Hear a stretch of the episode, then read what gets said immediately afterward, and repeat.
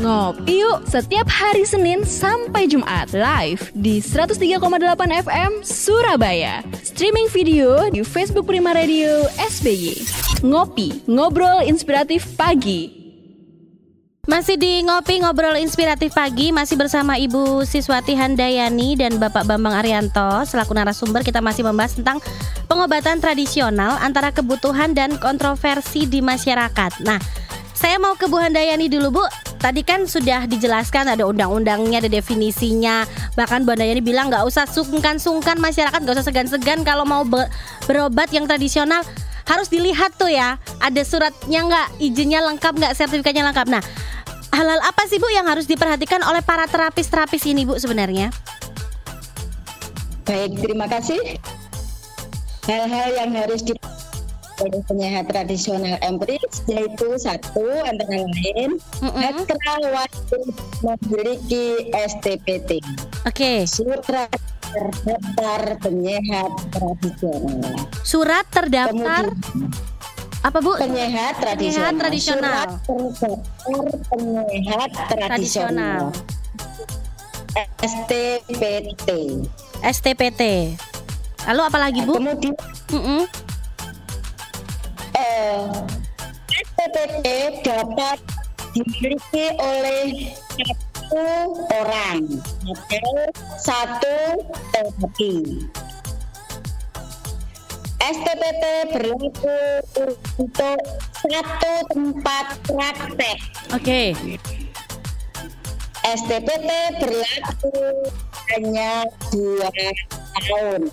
Setelah dua tahun harus ke hair lagi Hmm. atau STP lagi.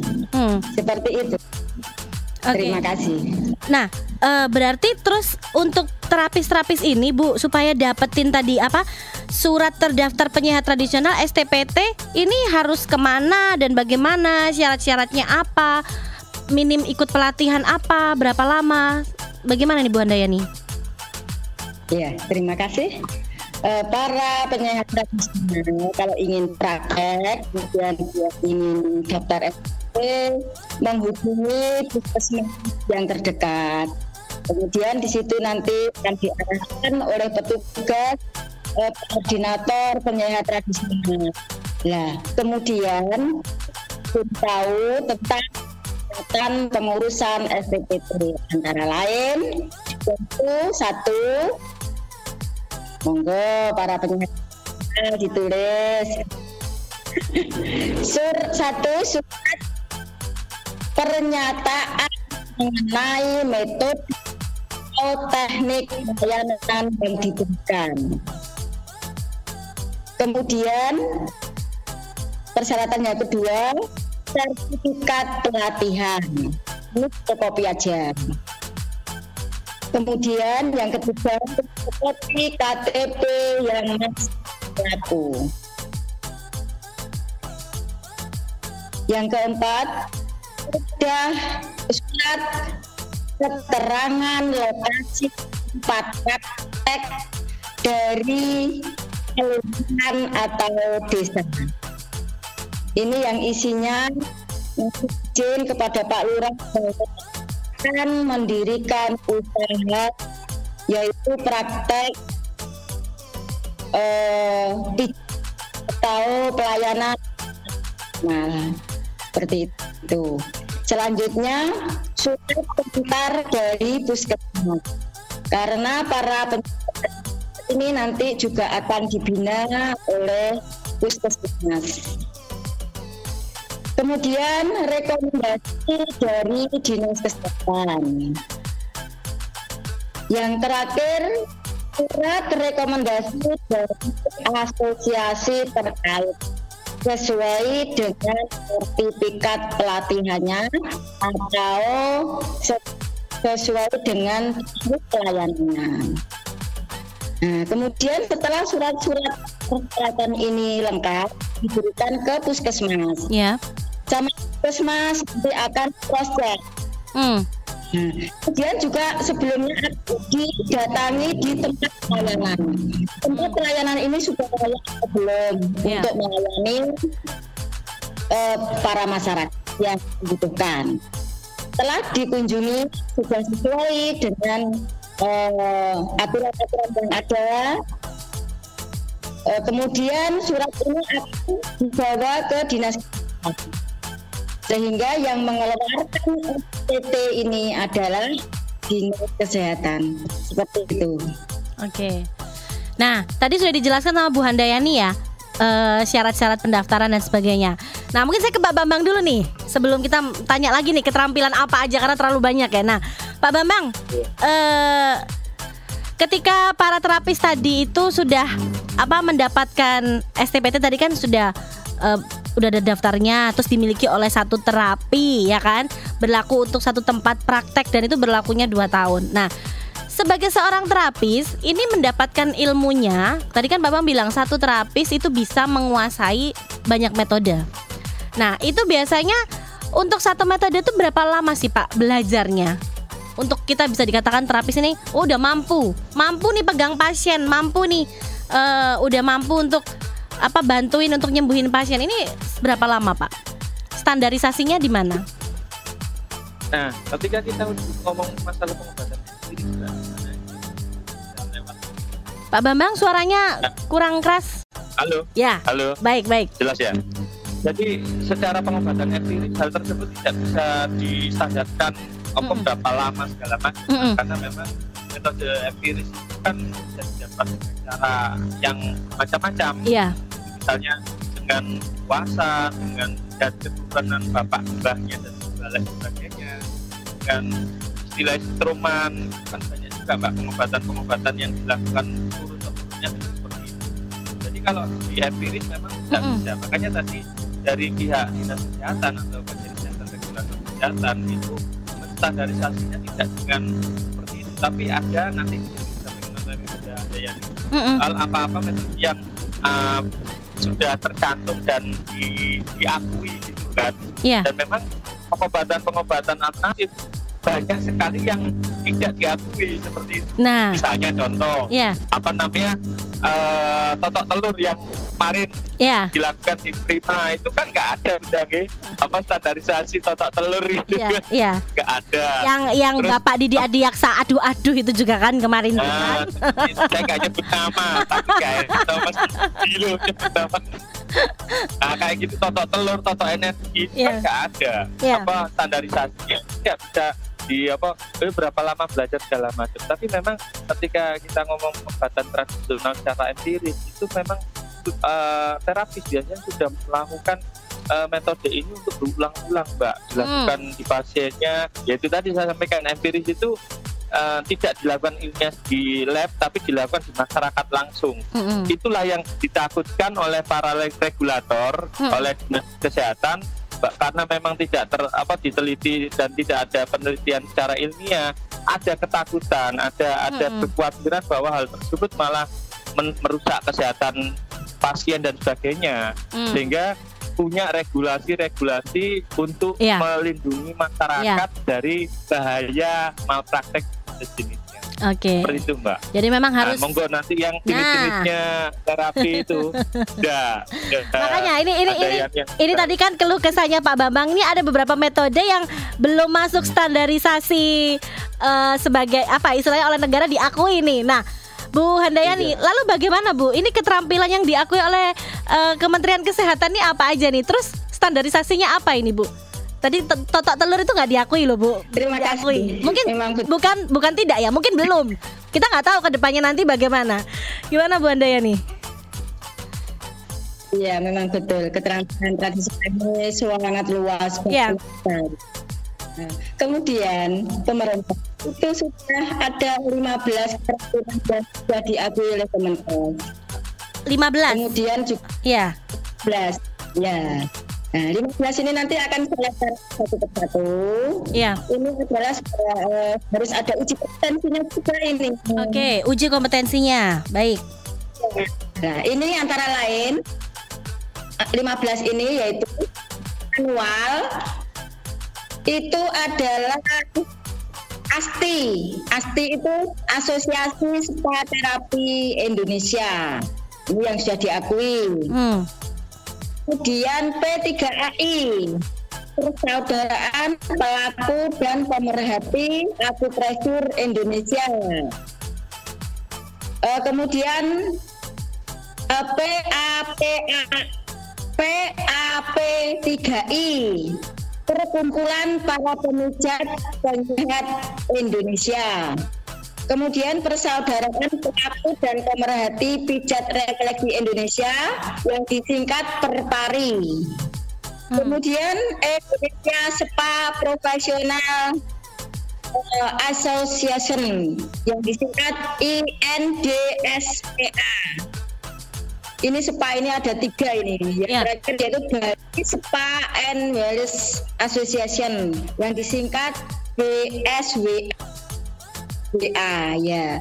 Kemudian PBI yaitu Perhimpunan Dokter Indonesia. Kemudian perkumpulan terapis tradisional patah tulang, urat dan sendi disingkat perkatu. Manual yang terakhir yaitu perkumpulan bisnis raksa jasad yang, yang disingkat PGSJ. Sekarang keterampilan yang terakhir ada dua, itu perkumpulan komunitas hipnoterapis Indonesia yang disingkat PKHI. Yang kedua perkumpulan praktisi hipnosis dan hipnoterapi Indonesia yang disingkat PRHIPTI. Yang keterampilan transfer energi juga ada dua, yang pertama Perkumpulan Indonesia yang disingkat PRI. Yang kedua Perkumpulan Dalam Penyembuh Alternatif Indonesia yang disingkat APALI atau APALI. Kemudian yang ramuan Perkumpulan Anggota Penyehat Tradisional Ramuan Indonesia yang disingkat Aspetrum. Kemudian yang gabungan yaitu Ikatan Naturopatis Indonesia yang tingkat KNI. Semua ini eh, yang diakui oleh pemerintah 2011 dan semua ini sudah ada ketua asosiasinya tingkat pusat, tingkat daerah, tingkat bank atau kabupaten. Nah, saya menghimbau kepada penyehat tradisional yang mau melakukan pelayanan kesehatan tradisional mohon mengacu keterampilan-keterampilan yang sudah diakui Kemenkes. Seperti itu, Mbak. Terima kasih. Ya, uh, Pak Bambang dan Bu Nana ini karena waktu kita ini terbatas, mungkin uh, dari Pak Bambang dulu nih, mungkin bisa uh, memberikan kesimpulan atau wacana nih buat masyarakat bahwa pengobatan tradisional sesuai topik kita ya antara kebutuhan dan kontroversi di masyarakat. Mungkin dari si Anda sebagai seorang terapis nih, mungkin ada unek-unek atau curhatan atau apa, silakan mungkin bisa disampaikan Pak Bambang kepada masyarakat kita supaya masyarakat kita udah bisa wise bahwa memang nggak nggak semua itu jelek, nggak semua tadi yang modus-modus tadi karena nilai setitik jadi rusak susu sebelanga. Masih ada pengobatan tradisional yang terpercaya dan bisa menjadi pengobatan salah satu alternatif untuk kesembuhan masyarakat. Silakan Pak Bambang. Suaranya Pak Bambang? Bagi masyarakat semuanya, memang apa namanya disampaikan tadi bahwa meskipun banyak uh, praktek-praktek yang salah di pengobatan tradisional, tapi insya Allah masih banyak lebih banyak lagi pengobat-pengobat tradisional yang memang benar-benar berniat dengan baik dengan metode yang benar untuk menyehatkan masyarakat, menangani masalah-masalah kesehatan yang terjadi di masyarakat. Jadi tidak perlu terlalu takut apalagi sampai paranoid karena memang e, antara pengobatan tradisional dan pengobatan apa ilmiah kedokteran itu seharusnya bisa sinergi. Karena ternyata banyak dari pasien-pasien kami itu ternyata malah dari orang nakes, orang tenaga kesehatan baik perawat maupun hmm. dokter itu banyak, Mbak. Yeah. Tinggal bagaimana apa namanya kita bisa me, mengetahui atau melihat menilai apakah pengobat tradisional yang kita mintain tolong untuk pengobat kita itu benar-benar adalah orang yang kompeten dan baik. seperti yang disampaikan Bu Andayani tadi sebagai regulator, kita bisa melihat itu dari STPT dan sertifikat sebagainya gitu. Tapi memang banyak juga pengobat tradisional yang tidak punya STPT maupun sertifikat-sertifikat. Karena ya mungkin banyak syarat-syarat yang belum bisa dipenuhi sehingga belum punya STPT. Bahkan banyak dari pengobat tradisional yang uh, hanya melayani panggilan gitu Mbak ya. Yeah. Jadi nggak nggak menetap satu klinik gitu. Karena ya dengan berbagai macam alasan. Ada yang memang kondisinya belum bisa memenuhi seperti itu, ada juga hmm. dengan strategi gitu, Mbak. Hmm. Karena yang panggilan-panggilan itu nggak nggak bisa dikatakan murahan dan kualitasnya ada loh, Mbak. Yeah. Ada teman saya itu uh, pengobat alternatif sekali diundang itu 5 juta. Ada yang begitu ya Pak? Ada sudah ditelap itu ya? Oke. Okay. Jadi memang apa dia dia nggak nggak nggak suka di satu tempat ya dia di hotel mbak jadi misalnya nangani kasus apa gitu dia di anu di open open apa openan itu loh, Pak. Dibukakan hotel sama okay. pasiennya. Okay. Dia nangani pasien di hotel tersebut ada ada keluarga dan segala macam. Ditangani pulang kadang ditransfer kadang dikasih amplop nggak kurang dari 5 juta bahkan lebih seperti hmm. itu hmm. jadi nggak pasti orang yang panggilan sana kemari itu adalah yang kualitasnya lebih rendah daripada hmm. yang punya klinik kata apa enggak ya masing-masing punya punya strategi mbak ya yeah. untuk untuk jalankan kegiatan ber apa terapi orang ini. Dan sesuai itu. capable kemampuan masing-masing ya Pak Bambang ya. Dan seperti itu yang harus dipahami oleh masyarakat. Jadi uh, memang harus ada sebuah kesadaran dari pihak terapi sendiri bahwa misalnya kalau ada suatu kondisi yang tidak bisa ditangani lebih baik direkomendasikan ke terapis lain ya. untuk baik. berkolaborasi. Baik. Bu Siswati Handayani, silakan Bu, monggo. Ini supaya pengobatan tradisional ini antara kebutuhan dan kontroversi di masyarakat nih. Silakan Bu. Terima kasih waktu yang diberikan kepada saya. Saya menghimbau kepada masyarakat semuanya. Jangan khawatir jangan takut jangan apa ya ragu-ragu. Mau berobat sesuai uh, minat hati. Ya, siapa tahu jodoh kepada kesehatan tradisional. Tapi mohon dilihat Eh, para penyehat tradisional yang kunjungi sudah bersertifikat atau belum, sudah ber STPT atau belum. Kalau yang sudah ber STPT berarti dia juga sudah melalui proses pembelajaran. Uh, kemudian setelah sertifikat itu dia ke kompetensi, setelah kompetensi dia pasti akan daftar STPT lah. Jangan khawatir masyarakat, penyehat tradisional atau bahatra yang sudah ber-SPT otomatis dia uh, sudah sertifikat seperti itu. Uh, penyehat tradisional dan para dokter berusaha untuk mengobati seperti itu. Ya. Terima kasih. Baik. Uh, terima kasih Bu Siswati Handayani. Terima kasih Pak Bambang Arianto buat waktunya pagi hari ini. Terima kasih. Semoga uh, topik kita hari ini bermanfaat nih buat semua sahabat Prima. Selamat pagi, Ibu. Selamat pagi, Bapak. Assalamualaikum. Selamat pagi. Waalaikumsalam warahmatullahi wabarakatuh. Baik sahabat Prima, sebelum saya akhiri ngopi untuk hari ini, ini ada yang baru juga nih saya mau info buat sahabat Prima. Ada Cheers Alkaline Power 230 ml dengan pH alkalin hingga 8,5 membantu menyeimbangkan pH tubuh sahabat Prima sehingga daya tahan tubuh kita lebih terjaga dan melindungi Anda dari virus. Bentuknya yang kecil dan seksi memudahkan untuk dibawa ke mana pun dan kapan pun.